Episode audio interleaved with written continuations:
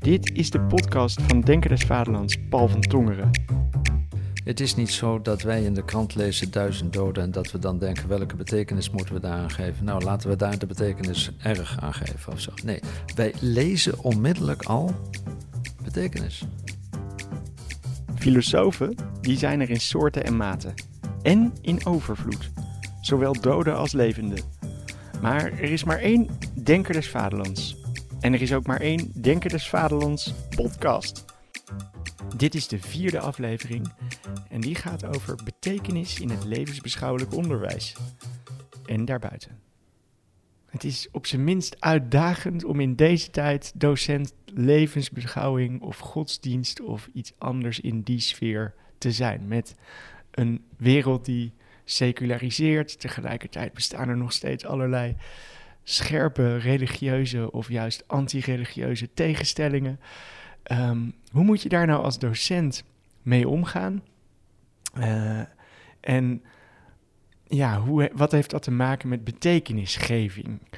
Die vraag is ons voorgelegd door een uh, jubilerende vereniging voor docenten godsdienst en levensbeschouwing.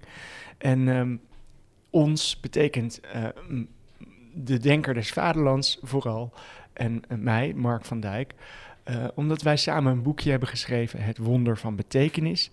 En eigenlijk naar aanleiding van dat boekje zijn we gevraagd om daar nog eens op in te gaan. Ten aanzien van onderwijs, jonge mensen, pubers. Hoe, um, hoe gaan die nou betekenis geven? Wat moeten ze daarmee in hun leven? Uh, hoe kan een docent daar een rol in spelen? En misschien ook met die moeilijke tegenstellingen omgaan. Uh, dat zijn een hele hoop vragen tegelijk. Maar we gaan in deze podcast proberen daar een begin van een antwoord op te geven. Ik ben in de woonkamer van Paul van Tongeren te gast, die nog steeds denker des vaderlands is. En uh, de kachel brandt behagelijk met uh, hout, knipperend hout op de achtergrond. Um, Paul, um, misschien kun je een begin geven van een antwoord op die vraag. Misschien kan ik dan beginnen met het puntje van kritiek op de manier waarop je nu je inleiding formuleert. Want je hebt okay. volgens mij al drie keer nu het woord betekenis geven gebruikt. Ja, klopt. En uh, heel begrijpelijk, want iedereen spreekt tegenwoordig over betekenisgeving. Laatst las ik al ergens dat er meer betekenisgeving gegeven moest worden. Dus betekenisgeving is als het ware synoniem met betekenis geworden. Maar ik denk, mm -hmm. ik, dus ik, ik haak daar een beetje aan vast of ik struikel over dat woord. Want dat klopt niet. Daar en klopt iets niet. Ik zou hopen dat we daar allemaal steeds meer over gaan struikelen, omdat daar inderdaad iets niet klopt, denk ik. En dat is van belang voor die, voor die vraag die je formuleerde van wat doet en wat kan een docent levensbeschouwing en godsdienst. Ik denk dat we ons vergissen als we steeds van betekenisgeving spreken, mm-hmm. omdat wij eigenlijk in eerste instantie niet zozeer betekenis geven, maar betekenis ontvangen. Aha, maar dat is toch heel ouderwets gedacht? Van een, een, een, een, een uh, ja, iemand vertelt jou wat de betekenis is en uh, jij moet braaf luisteren en het opschrijven en uit je hoofd leren, bij wijze van spreken. Zoals vroeger in godsdienstonderwijs uh, plaatsvond, waarschijnlijk. Je moest de dogma's leren dat is dan de betekenis ja, die jij krijgt aangereikt. Ik heb het nog helemaal niet over godsdienst en over, over de manier waarop dat daarmee verbonden... Dat heeft er alles mee te maken, maar nee, in eerste instantie gaat het gewoon over hele elementaire betekenissen. Oké. Okay. Wij leven als mens voortdurend in een wereld die vervuld is van betekenis. Je doet ochtends het gordijn open en je ziet mooi weer, of rot weer, of saai weer, of wat dan ook. Dat wil zeggen, je ziet betekenis. Mm -hmm. Je komt thuis de keuken binnen, je ruikt iets. En wat je ruikt, dat is betekenis. Dat wil zeggen, ha, gezellig. Of uh, hebba, eten we weer dat. Of, ja, de dat toast is aangebrand. Allemaal betekenissen. Maar de uh, toast die aangebrand is, is toch gewoon een feit als je die ruikt? Uh, daar is iets feitelijks aan. Dat wil zeggen, er uh, brandt iets en dat geeft een bepaalde stof in de lucht. En die stof in de lucht die prikkelt de, de neusharen of iets dergelijks. Ja. Dat is het feitelijke. Maar wat jij ruikt is, hefverdorie, te lang erin gezeten. Of, doe je dat uh, nou weer? Dat doe je elke oh, dag. Nou, allemaal dat. En dat zijn betekenissen. Dus uh, betekenis is niet de zin van het leven, dat, dat is ook een belangrijke verbinding hier Hmm.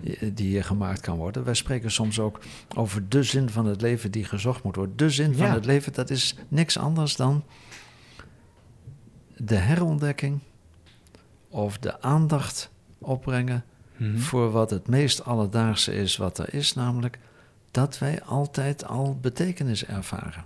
Ah. Alles wat we zien, wat we horen, wat we voelen, wat we ruiken, dat is allemaal, voor mensen is dat allemaal betekenis. En je je, je Ja, dus- ruikt kwaliteit, je, je, je ziet eh, waarde, eh, je hoort interessante of juist saaie dingen. Dat zijn allemaal betekenissen. En die Nu. betekenissen gaan als het ware vooruit aan... Aan mijn betekenisgeving. Want wat ik. Nee, niet aan het feit. Het, Oh. het, het, het- ik denk dat je kunt zeggen in elke gebeurtenis. Of het nou is mijn binnenkomen in een keuken. Mhm. Of de oorlog in Oekraïne. Of eh, het ongeluk wat nu op straat gebeurt. Of nou, noem maar op. Elke gebeurtenis heeft een feitelijk aspect. En een betekenisaspect. Aspecten, dat wil zeggen kanten van waaruit je het kan bekijken. Mhm. Je kunt het ongeluk of de oorlog of de keuken feitelijk proberen vast te stellen wat daar het geval is. Mhm. En uiteindelijk is dat een kwestie van meten en tellen. Eh, hoeveel meter de auto is opgeschoven of eh, hoe sterk eh, de, de, de temperatuur is opgelopen in de broodrooster of iets dergelijks. Dat is meten en tellen. En daar kun je het feitelijke van de gebeurtenis mee vaststellen. Ja. En dan is er een ander aspect, het betekenisaspect. En die betekenis kunnen we niet vaststellen, want die kan niet, die kan niet buiten onze waarneming ergens gevonden worden zo. Er ligt niet ergens een. een dus die, die maten die, die liggen vast. Ik hoef niet te meten, maar de, de afstand van de ene auto tot de andere ligt vast. Die kan door iedereen gemeten. Het doet er niet toe Mhm. wie dat meet. Het hoeft niet eens een persoon te zijn. Het kan gewoon machinaal gebeuren. ja. Maar het Maar- vaststellen van die betekenis kan nooit... De betekenis kan niet vastgesteld worden op die manier. Nee. Maar het is wel het belangrijkste, want datgene wat ons interesseert aan het ongeluk, is van de orde van de betekenis. Ja. Datgene wat ons interesseert aan de geur van de broodrooster, Mhm. dat is van de orde van de betekenis. Datgene wat ons interesseert aan de oorlog in, in Oekraïne is niet het aantal doden dat daar valt, maar Nou. is de betekenis daarvan. Ja, Ja. pas op, maar ik, ik geef met opzet dat voorbeeld Ja. omdat iemand dan onmiddellijk zal denken: ja, maar zoveel doden, dat is toch erg? Nee, ook daar moeten we volgens mij strikt genomen dat onderscheid maken. Duizend doden is meer dan 2000, eh, is minder dan 2000, is meer Mhm. dan 500. Dat is allemaal feitelijk. Ja. En dat zegt op zich nog, het puur feitelijke, datgene wat vastgesteld kan worden, heeft geen betekenis. Maar behalve het feitelijke aspect van wat daar gebeurt, dat het duizend doden zijn, ik noem nou even dat, zomaar Mhm. dat, dat aantal. Ja, het zijn er geloof ik eh, aan soldaten eh, naar schatting op dit moment 200.000. Ah, In totaal al, ja, ja. Ja. Nee, maar ik, ik dacht aan hoe- hoeveel er per nee, dag of per week of zo gaan. Hè. Ik zeg onmiddellijk, het is verschrikkelijk wat daar Mhm. gebeurt. Maar dat ligt niet, dat zit niet in dat aantal. Zit niet in het feit is, zelf. is alleen maar een feitelijk gegeven. Ja. En het aantal is alleen maar vergelijkbaar met andere aantallen. Maar wij vinden dat, en op dit punt lijkt het in het feitelijke te zitten, omdat we het daarover eens zijn. Wij vinden dat allemaal verschrikkelijk. Maar we hoeven niet lang na te denken om te ontdekken dat zelfs daar het heel goed mogelijk is dat er mensen zijn die, dat niet diezelfde, die daar niet diezelfde betekenis in zien Nee. die daar een succes in zien of een mislukking van iets in zien. Of, nou ja, hoewel succes en mislukking zijn ook alweer van de orde van de betekenis. Maar dan een andere betekenis dan die, Ja. die wij. Je zou kunnen zeggen, hè, Russi- eh, Russische eh, bronnen zullen misschien zeggen dat, dat de Russen, Russische soldaten eh, zich hebben opgeofferd voor een goed doel. Daar zit iets belangrijks aan vast. Wij zijn er allemaal, denk ik, van doordrongen dat betekenissen gebonden zijn aan de subjecten die de betekenis waarnemen. Ik zeg het nu op mijn manier.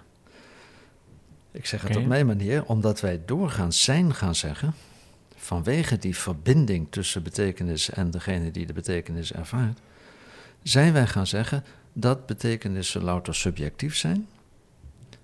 En daarmee bedoelen we dan dat wij betekenis geven. Ja. De Russen geven de ene betekenis aan uh, de, de oorlog, aan het aantal slachtoffers. En wij vanuit het Westen geven een andere betekenis aan. En die zijn als het ware evenveel waard. En die kun je um, ja, tegen elkaar wegstrepen. En daar klopt iets niet. Nee, maar wat klopt er uh, nou Het klopt al aan het begin niet, want wij geven niet die betekenis. Het is niet zo dat wij in de krant lezen duizend doden en dat we dan denken welke betekenis moeten we daar aan geven. Nou, laten we daar de betekenis erg aan geven of zo. Nee, wij lezen onmiddellijk al betekenis. Hmm. Dus die betekenis die, die dient zich aan. En wij, wat wij zeggen daarover is een poging om zo adequaat mogelijk te beschrijven wat wij menen waar te nemen.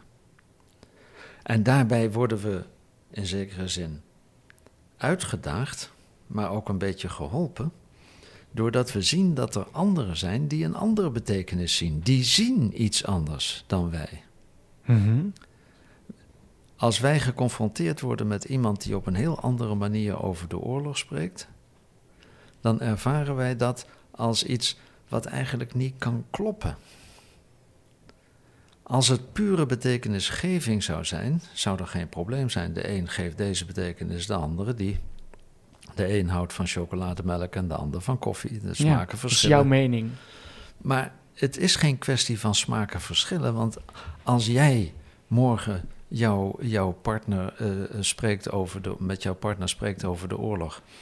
En, en, en zij zegt, van, uh, zij zegt iets, iets daarover wat jij denkt van, maar dat, dat kan toch niet? Dat is toch, ze zegt iets over de oorlog dat ze het wel, wel leuk vindt of wel spannend vindt of iets dergelijks. Ja, of, of zelfs uh, zoals ik Thierry Baudet heb horen zeggen, het meest hoopvolle wat ik in mijn leven heb meegemaakt.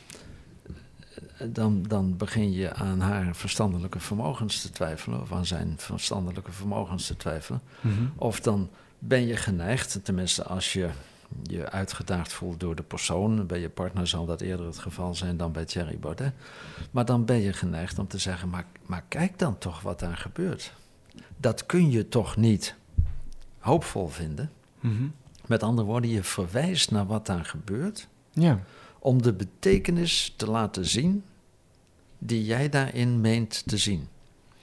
Niet de betekenis die jij gegeven hebt, want dan zou er geen probleem zijn. De een geeft die betekenis, de ander geeft een andere betekenis. Nee, maar die andere betekenis is een andere interpretatie van iets wat waargenomen is, wat ervaren is, wat, wat gevoeld, wat ge- gelezen is. En dus verwijzen wij naar dat object, hè, naar, dat, naar die gegeven aansprekende betekenis. En zeggen, maar wat jij daarover zegt, dat klopt toch niet? Kijk maar. En dan verwijzen we niet naar het feit, dan verwijzen we naar een betekenis die ja ons precies. aanspreekt. Dat is, dat is wat je zegt. Je verwijst eigenlijk al niet naar de feiten, je verwijst naar de betekenissen. Er zit al een laag van betekenis De- op, voor mensen, overheen. de werkelijkheid is voor mensen één groot netwerk van betekenis. Alles wat wij waarnemen is voortdurend van de orde van de betekenis. Ja. Daarom hebben wij destijds in dat boekje Het Wonder van Betekenis, dat mooie gedichtje van K. Schippers opgenomen. Als je goed Mhm. om je heen kijkt, zie je dat alles gekleurd is. Kleuren geven wij niet, wij zien kleuren. Natuurlijk, ik weet wel dat eh, kleurwaarneming fysiologisch beschreven, eh, dat dat eh, te maken heeft met de structuur van het oog en dat een ander soort oog ook andere kleuren zou zien. We weten hoe kleurenblinden anders kleuren zien enzovoort. Maar ik zie het rood van de daken. Ik zie het groen van de bomen.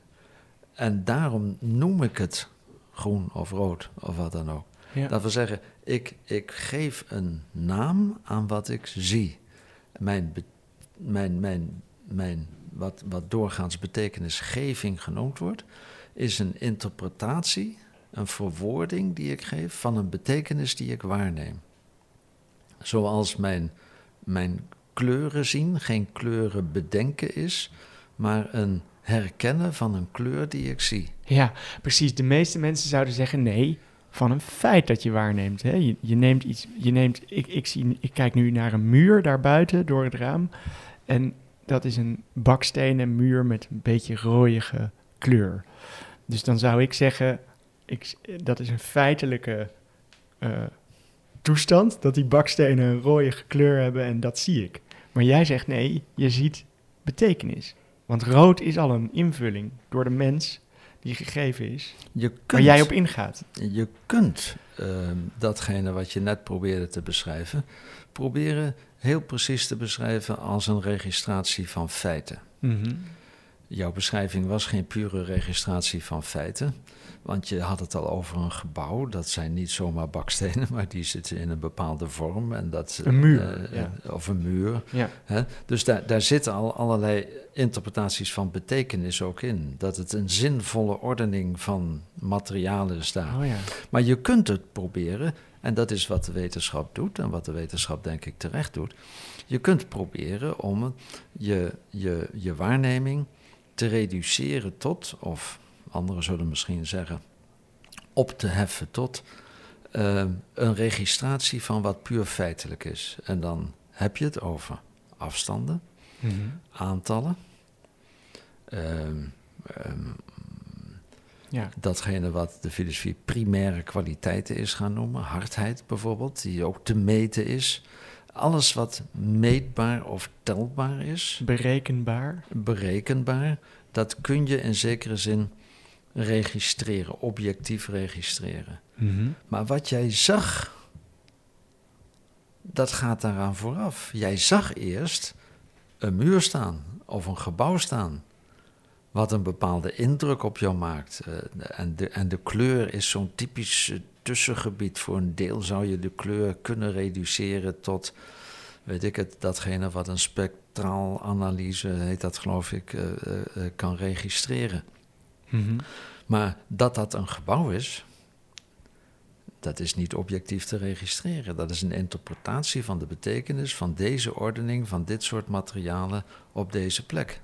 Ja. Nu. Dus meestal nemen we dat al aan. Het uh, feitelijke. Zonder, dat we er, zonder, zonder dat we erbij stilstaan dat we een betekenis ja. interpreteren. Zo, zoals we, en dat vind ik het mooie van dat gedichtje van K. Schippers, ja. zoals we de kleuren eigenlijk niet meer waarnemen, omdat die zo vanzelfsprekend altijd om ons heen zijn. Maar als, je moet je maar even voorstellen dat er ineens een filter overheen getrokken wordt en dat de kleuren weg zijn. Dat het ineens een zwart-wit film wordt wat je voor je ziet. Mm -hmm. Dan ineens zie je de kleur op het moment dat je hem niet meer ziet, bij wijze van spreken. Het is zo vanzelfsprekend geworden dat het, dat het als een feitelijk gegeven is gaan tellen. Ja.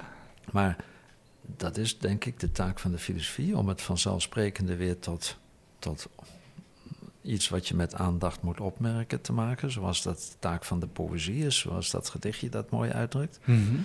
Je leert zien wat je altijd al zag, maar daardoor niet meer zag. Ja. Je en kijkt met andere we, ogen. Je kijkt met andere ogen, of je, je, je, je, ja, nou ja, je kijkt met, met dezelfde ogen, maar ziet ineens meer. Niet omdat je dingen ziet die, je, die er eerder niet waren, maar omdat je om, om, omdat ze er altijd waren, zag je ze niet meer. En nu word je er opmerkzaam op. Mm -hmm. Mooi. Nu, uh, wat, wat? Daarom, daarom wil ik niet van betekenisgeving spreken. Mm. En natuurlijk weet ik wel dat zonder ons, zonder het subject, uh, wordt er nooit betekenis waargenomen. Maar die betekenis wordt niet gegeven, maar waargenomen. En dat moet volgens mij benadrukt worden omdat daar een heleboel aan vastzit. Maar, maar wat betekent dat nou, wat betekent dat nou voor, een, uh, voor een klas vol leerlingen, waarin allerlei tegengestelde meningen en levensvisies misschien uh, uh, elkaar tegenkomen, misschien wel een beetje met elkaar botsen, of het juist vreselijk met elkaar eens zijn. Um, wat, wat, hebben, wat hebben docenten daaraan, wat zouden docenten daarmee moeten doen uh, die juist bezig zijn met betekenis ja, ik geven of ontvangen. Het is alleen maar doordat wij betekenis waarnemen en in onze meningen, in onze duidingen een interpretatie geven van de betekenis die we menen waar te nemen, Het is alleen maar daardoor dat we ook geïnteresseerd kunnen zijn in de mening van een ander. Als een betekenis puur gegeven zou zijn, puur subjectief zou zijn, als elke mening puur alleen maar een subjectieve mening is, dan is niet in te zien waarom we überhaupt geïnteresseerd zouden kunnen zijn maar in de mening van een ander. Zoals het mij niet interesseert of iemand meer van het een houdt of van het ander, tenzij er een praktische reden is. Ik bedoel, als het mijn partner is, dan moet ik wel zorgen dat we geen ruzie krijgen over de, de, de etenswaren die we in huis halen of iets dergelijks, of de mhm. schilderijen die we aan de muur hangen. Maar los daarvan uh, weet ik dat smaken verschillen en interesseert het mij niet welke smaak iemand anders heeft. Tenzij, zelfs in de smaak, zelfs in de smaak, wij soms denken: hé, hey, maar als jij dat zo mooi vindt, wat ik helemaal niks vind, wat zie jij daar dan? Laat mij eens zien wat jij daar ziet dat je het zo mooi vindt.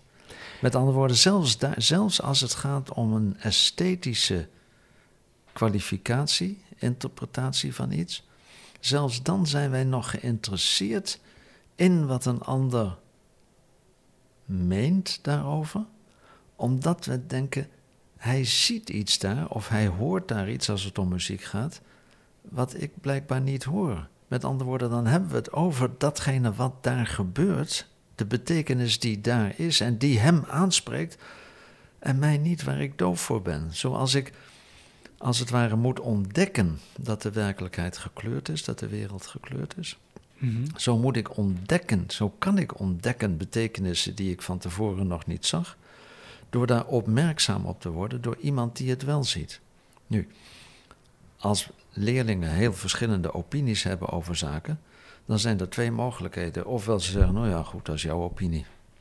Ja, die kans heb je. Dat ze zich daar helemaal. Want jij, wat jij net schetst van ik wil weten waarom die betekenis voor jou zo anders is, gaat al uit van een eigenlijk hele positieve houding van geïnteresseerdheid in elkaar.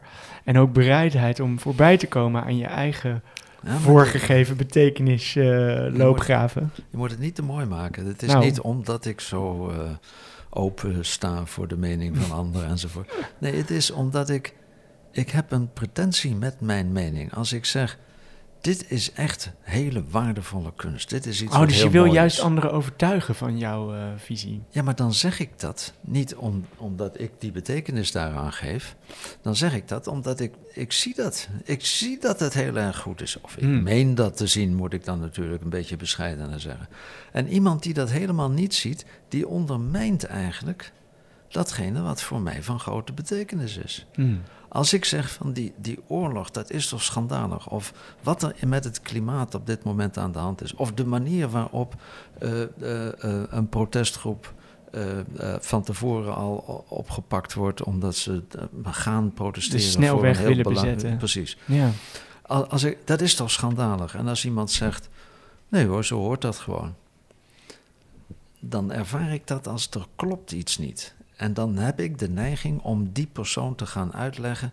Je vergis je als je denkt dat het zo hoort. Want het gaat hier om een zaak die veel belangrijker is dan, dan wat zo hoort of iets dergelijks. Of als ik bescheidener ben, dan zeg ik: ja, maar leg mij dan uit waarom dat het zo hoort belangrijker is op dit punt. dan dat we eindelijk eens wakker worden en wat meer aan, het, uh, aan, aan de, aan de uh, klimaatbedreigingen uh, gaan proberen te doen. Mm met andere woorden, omdat ik mij betrek op een betekenis die ik waarneem, ik zie dreiging. En dreiging is een betekenis. Je kunt zeggen, ja, maar dat is heel feitelijk, want kijk maar hoeveel soorten er uitsterven. Ja, dat de soorten uitsterven is op zichzelf nog geen dreiging. Dat we zeggen, het puur feitelijke daarvan is alleen getalsmatig. Vroeger waren er zoveel, nu zijn er zoveel. Nou, het een is meer dan het ander. Maar dat dat uh, voor ons een bedreiging is, dat is een betekenis die wij in die gebeurtenis zien. Maar wacht, er zijn toch heel veel wetenschappers die dat vaststellen, dat klimaatverandering heel gevaarlijk is?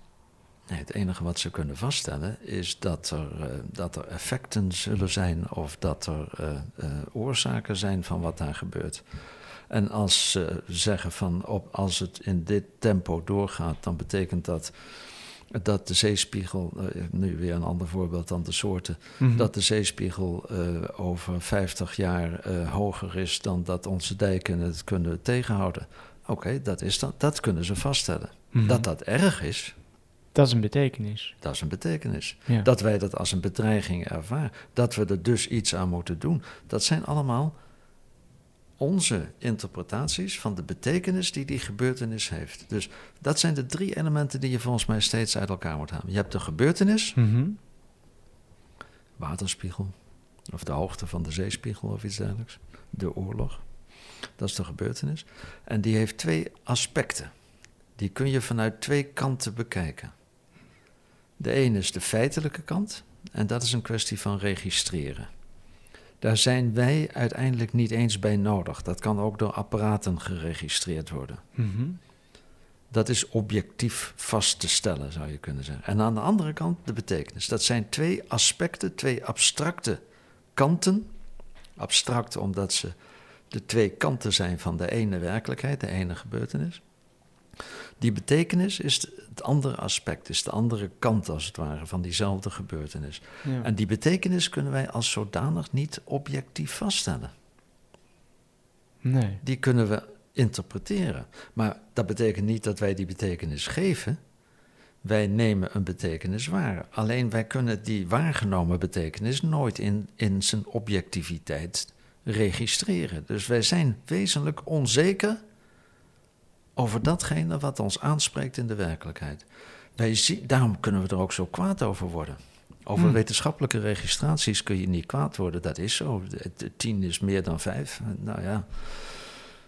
We Maar- worden maar- kwaad over de interpretatie van die registraties. Nee, wij worden, wij worden kwaad omdat, omdat andere mensen niet die betekenis recht doen die wij menen te zien.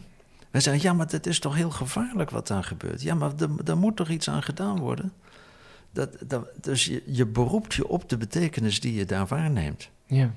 En, en die, dat beroep op datgene wat je waarneemt, dat geeft aan jouw mening daarover, uit jouw, jouw mening die zegt dit is erg, dit is gevaarlijk, dit is een bedreiging, die geeft een soort waarheidspretentie daarin.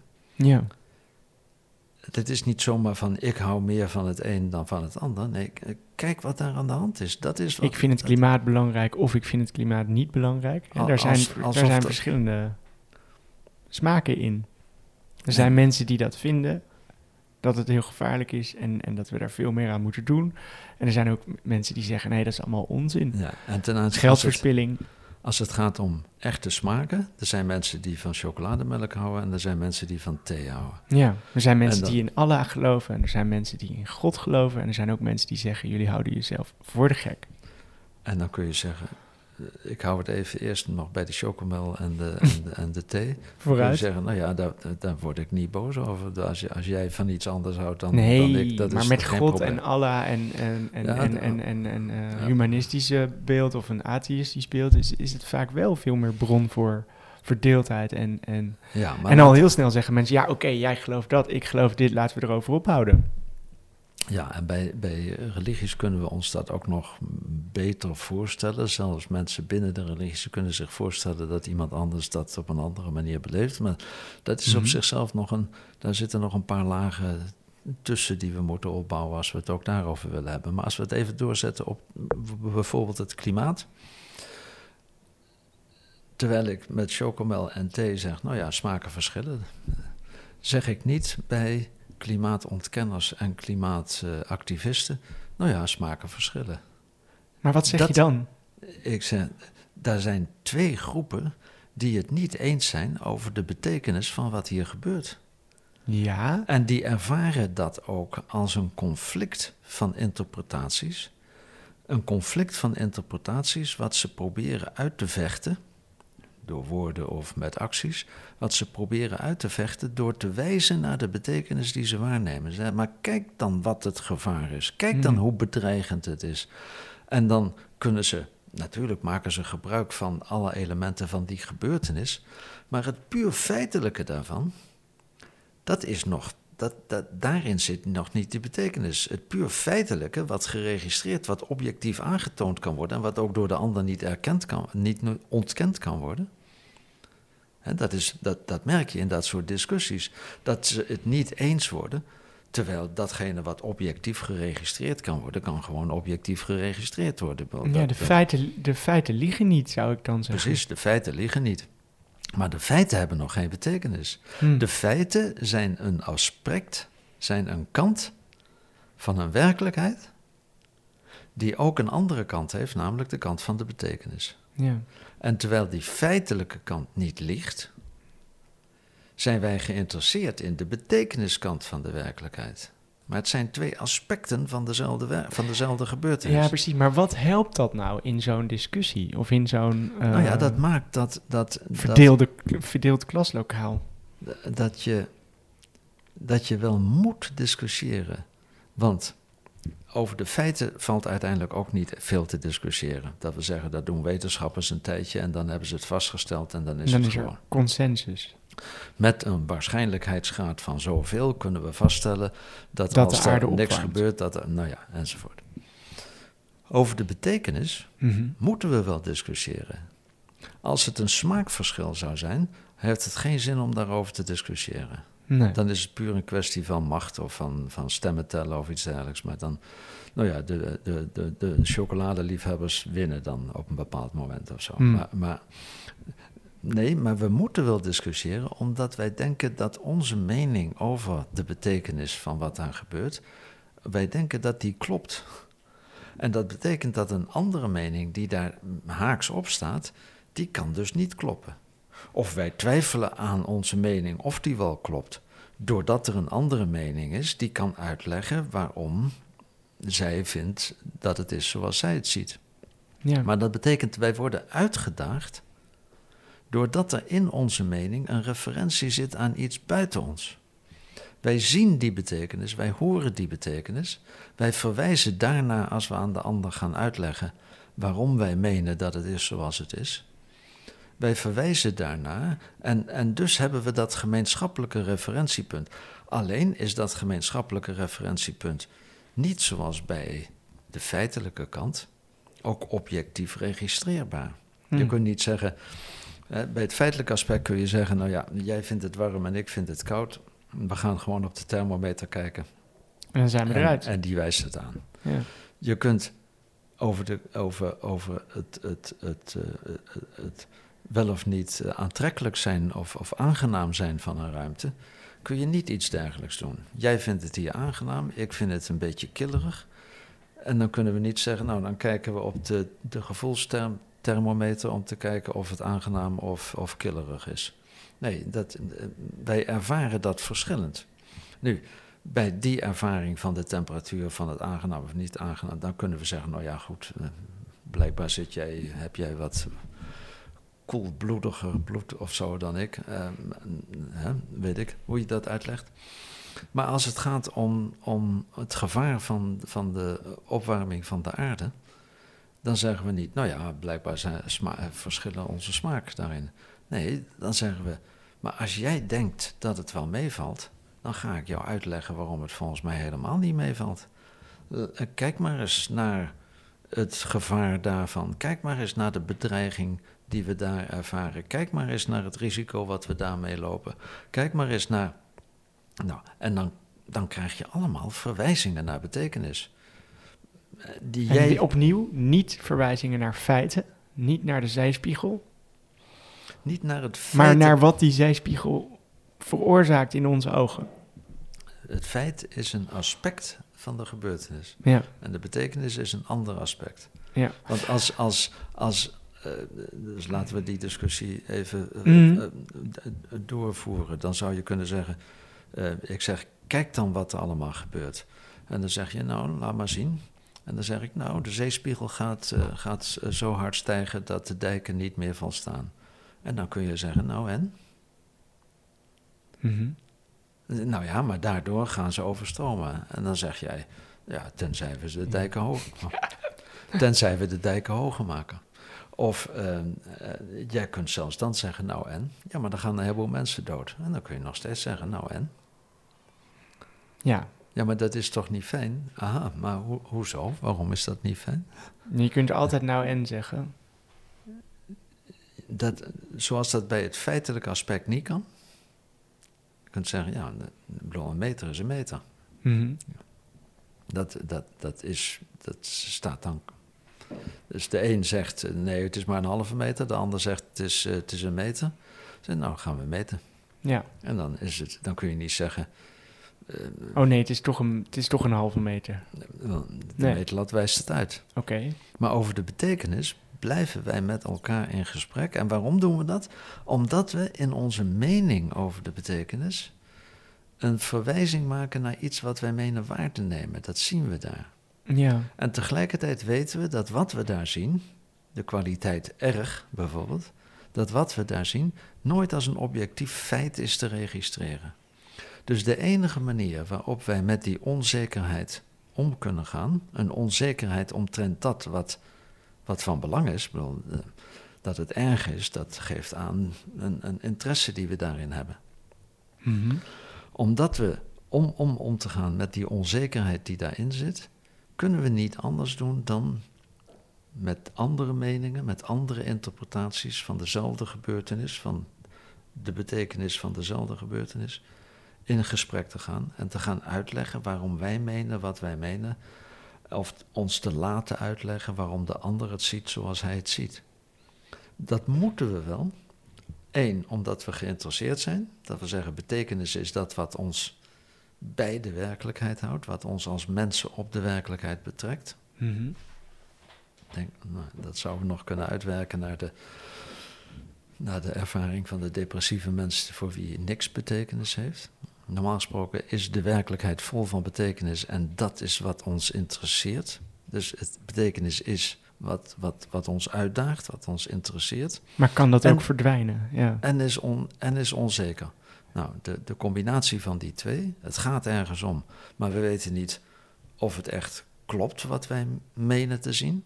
Mhm. De combinatie van die twee, dat het en belangrijk is en onzeker is, leidt tot de enig mogelijke conclusie. Proberen te praten met anderen die een andere interpretatie geven van diezelfde betekenis. Ja, oké. En dus moeten leerlingen wel met elkaar proberen te over, te, te, te, aan elkaar uit te leggen waarom zij menen wat zij menen. Dat wil zeggen waarom zij menen te zien wat ze menen te zien, menen te horen wat ze menen te horen. Ja, maar dat blijft voor mij de vraag: ehm, eh, wat is dat? wat voor verschil brengt dat ehm, ten opzichte van de houding? Nou ja, eh, jij ziet het zo, ik zie het zo. ehm, we komen daar toch nooit uit, want ik ben orthodox christelijk en jij bent ongelovig. Ehm, we, we zien dat nou eenmaal heel anders. Of we zijn orthodox christelijk, dus we hoeven hier geen ehm, discussie over te voeren. Ja, dat, dat kun je doen en soms zie je dat iets dergelijks eh, gebeurt. En dan maak je eigenlijk van eh, de godsdienstige overtuiging die je hebt, of de juist niet, of zelfs anti-godsdienstige overtuiging die je hebt, maak je iets wat eh, vergelijkbaar is met ik hou nou eenmaal van chocomel en jij houdt van thee. Mhm. Eh, je maakt het alleen iets groter. Je zegt, ik ben nou eenmaal geboren in een huis waar men altijd eh, van chocomel hield, dus ik hou van chocomel en niet van thee of zo. Nou, de- da- het is onmiddellijk, denk ik, duidelijk voor iedereen die geneigd is zich zo op te stellen, dat daar iets niet klopt. Ja, Het is niet zo dat ik dat volhoud omdat ik nou eenmaal in zo'n huis geboren Ik weet wel dat dat ermee te maken heeft, maar het is niet daarom dat ik het zelf ook aanhang, dat geloof of die overtuiging. De uitdaging bestaat erin volgens mij. Mhm. Op het moment dat een godsdienstige overtuiging voor jou echt van belang is, echt jouw overtuiging is, op het moment dat een humanistische overtuiging, als we humanisme even nemen als niet religieus, dat is ook nog Mhm. niet zo duidelijk, maar eh, als we het even in die zin nemen, op het moment dat een humanistische overtuiging voor jou van belang is, dan heb jij redenen daarvoor waarom jij de wereld wil zien in dat licht. En die redenen, die vragen erom om uitgelegd te worden. Waarom? Omdat die redenen niet jouw verzinsels zijn, niet jouw betekenisgevingen zijn, maar omdat jij denkt dat het klopt om er zo over te denken. Ja, omdat de wereld in een religieus wereldbeeld eh, zo in elkaar zit. De wereld Nou, is gegeven op een bepaalde manier. Hè, door God gegeven of...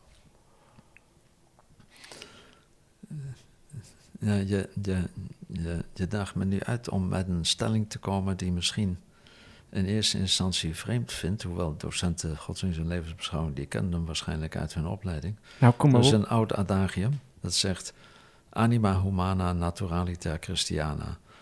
Dat gaat heel ver. Iedereen is eigenlijk christelijk. Eigenlijk christelijk. Is dat, zo? Dat zal ik niet herhalen, maar wat ik wel eh, zou willen verdedigen is dat de, de, de mens van nature een religieus wezen is. Aha. Religieus. Nou, dat is goed nieuws voor eh, de docenten levensbeschouwing of godsdienst, denk ik. De mens is van nature, Maar het is geen nieuws. de mens is van nature religieus. Ik denk dat de mens van nature religieus is. En dat betekent, wat mij betreft, dat de mens van nature gerelateerd is aan, een relatie onderhoudt met een werkelijkheid buiten hem. Aha. Dat moet je niet meteen opvatten als een soort bovennatuurlijke werkelijkheid, als een andere wereld dan de wereld waarin wij leven of iets dergelijks. Nee, op een veel elementairdere manier. Als betekeniswezens zijn wij betrokken op de wereld als een geheel van betekenissen. De wereld spreekt mij aan. Het weer spreekt mij aan, want dat, heeft, dat geeft, het weer doet iets met mij. De bomen die ik zie doen iets met mij. Ze De spreken- aangebrande toast. de aangebrande toast doet iets met mij. Dat, dat, dat zegt me iets. Maar dat is toch niet religieus, Paul? Zelfs dat noem ik religieus in de zin dat ik daar een relatie met iets anders, dat iets anders mij aanspreekt, dat iets anders in mijn wereld komt. Dat is de kern van wat ik religieus noem, of de kern waarom ik hier spreek van religieus. Ik ben niet opgesloten in mijn eigen immanente subjectiviteit. Ik word aangesproken.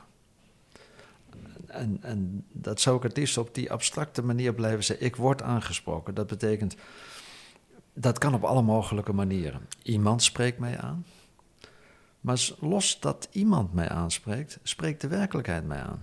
Het is, ik zie mooi weer. Die werkelijkheid, als, wat ik zie als ik de gordijnen open doe, dan is dat een, een, een kleur, een, een intensiteit van licht die mij iets zegt.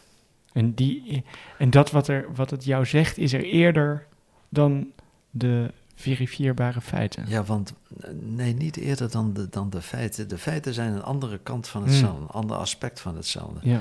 Maar dat wat het mij doet, dat wat het mij zegt, is er eerder dan wat ik daarover zeg. Wat ik daarover zeg is een poging om recht te doen Ah, aan wat mij aanspreekt. ja. Dus eigenlijk sluit je met jouw betekenis aan bij de betekenis die je al ervaart. Je ervaart betekenis en je probeert in je mening, dat is wat we doorgaans een mening noemen, in je mening probeer je zo adequaat mogelijk te zeggen wat die werkelijkheid jou zegt, wat Ja. die wereld jou zegt, wat die betekenis is die jij waarneemt. Dus onze betekenisgeving, tussen aanhalingstekens, is een interpretatie van een betekenis die wij waarnemen. En, en dat, dat, dat mensen als betekeniswezens leven en dat die betekenis eerst zich aan mij aandient voordat ik daar iets mee doe, Mhm. daar omtrent een mening formuleer. Die twee dingen maken de mens tot een van nature religieus wezens. Maar dan heb ik religieus in een hele ruime zin gebruikt. Dat wat wij religies noemen, en zeker dat wat wij godsdiensten noemen, Mhm. zijn een bepaalde cultivering, zou je kunnen zeggen, van deze religieuze aard van de mens. Ja. En die kan op verschillende manieren plaatsvinden. Daarom zijn er verschillende religies. En er zijn ook andere cultiveringen van dit, dit kernachtige, eh, wat ik bedoelde met die religieuze natuur. Andere cultiveringen dan in de vorm van datgene wat wij religies noemen. Maar de religieuze natuur. Zoals? Nou ja, bijvoorbeeld, de, de, dus de, de, we hebben het gedichtje van K. Schippers al een paar keer genoemd. De poëzie is zo'n voorbeeld. Andere vormen van kunst zijn voorbeelden. De, de, manier waarop, waarop wij ons engageren in het politieke gesprek bijvoorbeeld, is ook een cultivering van die religieuze natuur die de mens heeft. Want het is omdat wij betekenis waarnemen, dat wij proberen die zo adequaat mogelijk te formuleren en dus uitgedaagd worden door anderen die daar een andere formulering voor, of een andere mening over formuleren. Mm en dus met die ander, waardoor we uitgedaagd worden, in gesprek moeten. En dat is waarin politiek bestaat uiteindelijk. Politiek is de poging om over de grote betekenissen als rechtvaardigheid of vrijheid of gelijkheid het met elkaar eens te worden. Dat wil zeggen om te proberen aan elkaar uit te leggen wat rechtvaardigheid nou eigenlijk is. Ja, en dan zijn we eigenlijk bij burgerschap, bij uh, iets wat ook nu aan, aan docenten wordt gevraagd. Kunnen jullie de leerlingen tot burgers vormen? En in die zin past burgerschapsvorming heel goed, denk ik, in lessen levensbeschouwing en godsdienst. Maar dan, dan, dan, ja, dan, dan moet je naar het fundament daarvan. En dat ligt in die, in die betekenis. Omdat de werkelijkheid betekenis heeft, omdat die betekenis ons aanspreekt, omdat onze meningen interpretaties zijn die proberen adequaat te zijn aan datgene wat ons aanspreekt. Daarom moeten wij met elkaar daarover delibereren, daarover discussiëren, proberen te leren zien wat een ander ziet, proberen een ander te laten zien wat wij menen te zien. En, en dat, daarin bestaat burgerschap. Burgerschap bestaat erin dat je, dat je je probeert te verheffen tot het niveau van de gemeenschap de gemeenschap van degene met wie je leeft en met wie je dus betekenissen moet leren delen. Ja, maar dus ook ehm, eh, eh, erkennen dat, uh, dat er mensen zijn die anders denken dan jij over Want dat, belangrijke het zijn steeds twee dingen die nodig zijn op het moment dat je op die uitdaging ingaat. Hè. De uitdaging die erin bestaat dat je een andere mening ervaart als een andere interpretatie van hetzelfde ding, van, van datgene wat jij ook waarneemt. Mhm. We nemen alle twee de oorlog in Oekraïne waar, maar jij denkt daar iets anders over dan wat ik erover denk. Dus over hetzelfde hebben wij verschillende meningen. Over dezelfde betekenis die ons aanspreekt, hebben wij verschillende meningen. Ja, dat wil zeggen, niet over de feiten. De, de, feiten zijn een ander aspect. Daar, daar, daar kunnen polymologen studies van maken over wat daar feitelijk gebeurt. Daar kunnen ze tellen en meten en zo. Maar wij hebben het over dat het erg is, dat het schandalig is, dat het uh, interessant is, dat het uh, begrijpelijk is. Weet ik, dat zijn allemaal betekenissen. Wat zie je nou vaak misgaan in dit opzicht? Is het zo dat, dat, de, dat de feiten vaak voor, voor de werkelijkheid worden aangezien? Zo van, ja, je, je kunt er wel lang over praten, maar mijn hersenen zitten gewoon zo in elkaar, hè, bijvoorbeeld. Het, het, gaat mis, denk ik, op, op twee manieren. Eén, en dat klonk ook verschillende keren in jouw vragen door. Uh, ja, maar als je gaat argumenteren, dan wijs je toch naar de feiten. Nee, waar je naar wijst, is niet naar de feiten, maar naar de dingen, naar de gebeurtenissen.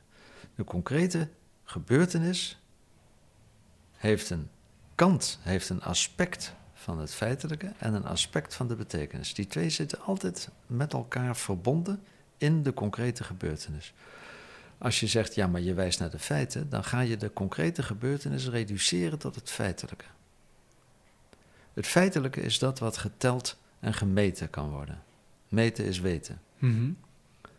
Maar als je de concrete gebeurtenis reduceert tot het feitelijke, dan haal je een heel belangrijk ander aspect van die gebeurtenis weg. Het betekenisaspect. Het betekenisaspect. En wat wij doen is, enerzijds in een soort scientisme zou je kunnen zeggen, zijn we geneigd om de, om, om de concrete werkelijkheid te reduceren tot wat daarvan feitelijk geregistreerd kan worden. Mhm. En anderzijds te zeggen, dat de betekenis, nou ja, daar hebben we een subjectieve mening over. Die betekenis heeft niks met de werkelijkheid te maken. Dat zijn onze subjectieve fantasieën. Dat is het subjectivisme. Dus scientisme en subjectivisme, twee woorden. eigenlijk. Ja, het eerste reduceert de werkelijkheid tot wat feitelijk vastgesteld kan worden. Ja. Het tweede eh, maakt de betekenis tot iets wat met de werkelijkheid niks te maken heeft, maar alleen maar een subjectieve fantasie is. En daarmee doen we onrecht aan onze ervaring van de werkelijkheid, waarin altijd die twee met elkaar verweven zijn. Ah, precies. Dus dat, dat is wel iets waar een docent levensbeschouwing of godsdienst natuurlijk een belangrijke rol kan spelen. Denk ik. Door te wijzen op die twee denkfouten, als het ware. Om te zeggen, als je heel scientistisch wordt, hè, of, of reductionistisch, dan hè, dat is een neiging die, die veel. Eh, die, die sterk is in deze samenleving, Ja, volgens mij. zeker. En dus ook bij leerlingen waarschijnlijk. Om alles maar ja, eh, terug te brengen, te reduceren tot eh, wetenschappelijk verklaarbare feiten. Zo van, mijn, mijn brein zit zo in elkaar, dus zo handel ik.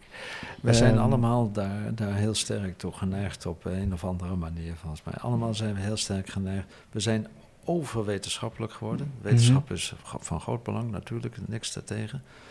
Maar wetenschap is niet alles. Dat wil zeggen, de wetenschappelijke kant van de, de feitelijke kant van de werkelijkheid, en dat kan wetenschappelijk gekend worden, is niet de hele werkelijkheid. Dat de werkelijkheid ons interesseert, betekent omdat die ons als betekenisvol uitdaagt, aanspreekt. Ja, En, en dat is die andere kant van, namelijk de kant van de betekenis. Dus betekenis en feit zijn twee kanten ja. van de concrete werkelijkheid. maar dus, dus de docent zou kunnen zeggen, wees niet eh scientistisch. Hè? Dus dat je verdwijnt in die feitelijke kant, eh, in die meetbare kant en doet alsof dat de hele werkelijkheid is. Maar ook niet die andere kant, subjectivistisch. En leg dat nog eens uit, wat, wat is daar het probleem? Dat je, dat je doet alsof je mm, eh, visie de werkelijkheid is? Nee, de, de, de- het subjectivisme past heel goed bij het, het scientisme. Want waar het Hmm. scientisme de werkelijkheid reduceert tot wat feitelijk meetbaar en telbaar is, zegt het subjectivisme, ja, dat andere, die betekenis, dat heeft niks met de werkelijkheid te maken. Dat zit alleen maar in je hoofd. Oh ja. Beauty is in the eye of the beholder. Mhm. Schoonheid zit in de ogen van degene die kijkt en heeft niks met het ding te maken. Terwijl als ik probeer uit te leggen waarom een bepaald beeldhouwwerk mooi is, dan heb ik het niet over wat in mijn hoofd zit, dan heb ik het over dat beeldhouwwerk. Dus ik probeer iets te zeggen wat ik daar in dat beeldhouwwerk zie. Mhm. Zelfs schoonheid is iets wat niet puur in het hoofd zit van degene die ernaar kijkt. Dat, zit in, dat zie ik daar in die werkelijkheid. En ik probeer iemand die dat niet ziet te laten zien wat daar voor schoonheid in zit. Oei. De tijd is om. Onbekende bellen. Paul van Tongeren. Nu, wij hebben verschillende interpretaties, laten ons uitdagen daardoor om met elkaar daarover te praten. Omdat het belangrijk is voor ons en omdat het niet vaststaat, omdat we het niet objectief kunnen vaststellen. Dus de enige manier die we hebben is aan dat belang, aan die interesse die we hebben, recht te doen door er Mhm. met elkaar over te praten. Als je er met elkaar over praat, probeer je elkaar uit te leggen waarom je ziet, waarom je meent te zien wat je meent te zien. Proberen aan elkaar uit te leggen is proberen het eens te worden. Ik probeer jou te laten zien wat ik meen te zien. Jij probeert mij te laten zien wat jij meent te zien daar. We proberen het eens te worden. Stel dat we het eens worden, dan moeten we ons realiseren dat ook als wij het eens zijn, het nog steeds kan dat wij het verkeerd zien. Ja, dat we Dat buiten, er een derde is zelfs- die ons. zelfs als we in, in het klaslokaal het eens zijn, kan er buiten het lokaal nog een Heel andere goed. mening bestaan. Precies. Dus dat is het tweede wat we moeten doen. Het eerste wat we doen is aan elkaar uitleggen in een poging om het eens te worden. Mhm. Het tweede wat we moeten doen is zorgen dat we nooit denken dat we er zijn. En dus de oneenigheid, de, de dissensus, de tegenstem, de andere blik altijd, altijd binnenlaten. Opnieuw, daar hebben we precies burgerschap. Wat is politiek anders in een, in een, in een, in een organisatie zoals wij die kennen, dan proberen het eens te worden over dat soort grote vragen als wat is rechtvaardigheid, wat is vrijheid, wat, hoe verhoudt vrijheid zich tot gelijkheid enzovoort. Maar in een poging dat wij ook de tegenstem, degene die het er niet mee eens is, binnenlaten. Om te voorkomen dat we als een feit gaan beschouwen, wat in werkelijkheid niet meer is dan een overeenstemming tussen interpretaties. Oké, dat is een mooie uitdaging lijkt me. Voor dus in die zin hoort burgerschap helemaal bij, bij deze religieuze natuur van de mens. Ja, precies. Oké, de permanente uitdaging om het gesprek over betekenis aan te gaan en de dissensus daarbij altijd te borgen. Ja. Te blijven zoeken naar consensus en borgen van dissensus. Ja. ja. Ik denk dat dat heel veel uitdagingen zijn voor in het klaslokaal en daarbuiten. Dus dankjewel voor dit mooie gesprek. Paul van Drongeren. We gaan daarover uh, over doorpraten op, wanneer is het ook weer? Ja, 16 maart. 16 maart. Bedankt voor het gesprek. Ja, graag gedaan. Dit was de vierde aflevering van de Denker des Vaderlands podcast met Paul van Tongeren en Mark van Dijk. Deze aflevering werd u aangeboden door de VDLG, de Vereniging Docenten Levensbeschouwing en Godsdienst. Aan alle leden van die vereniging, docenten die geluisterd hebben naar deze podcast, we hopen jullie te zien tijdens de studiedag van de VDLG op 16 maart 2023 in Utrecht. Als je daar meer informatie over wilt, ga naar vdlginfo.nl. Voor alle overige luisteraars, bedankt voor het luisteren en graag tot de volgende aflevering van de Denker des Vaderlands podcast. Dit was trouwens bijna de laatste aflevering van Paul van Tongeren. Zijn termijn als Denker des Vaderlands begon in april 2021 en vanaf april 2023 treedt een nieuwe denker aan. De Denker des Vaderlands podcast komt eind maart met een speciale overgangsaflevering, waarin de nieuwe Denker des Vaderlands, die nu nog niet bekend is, voor het eerst te horen zal zijn. In de woonkamer van Paul van Tongeren. Volg de Denker des Vaderlands podcast op Spotify of in een andere app om hem als eerste te horen.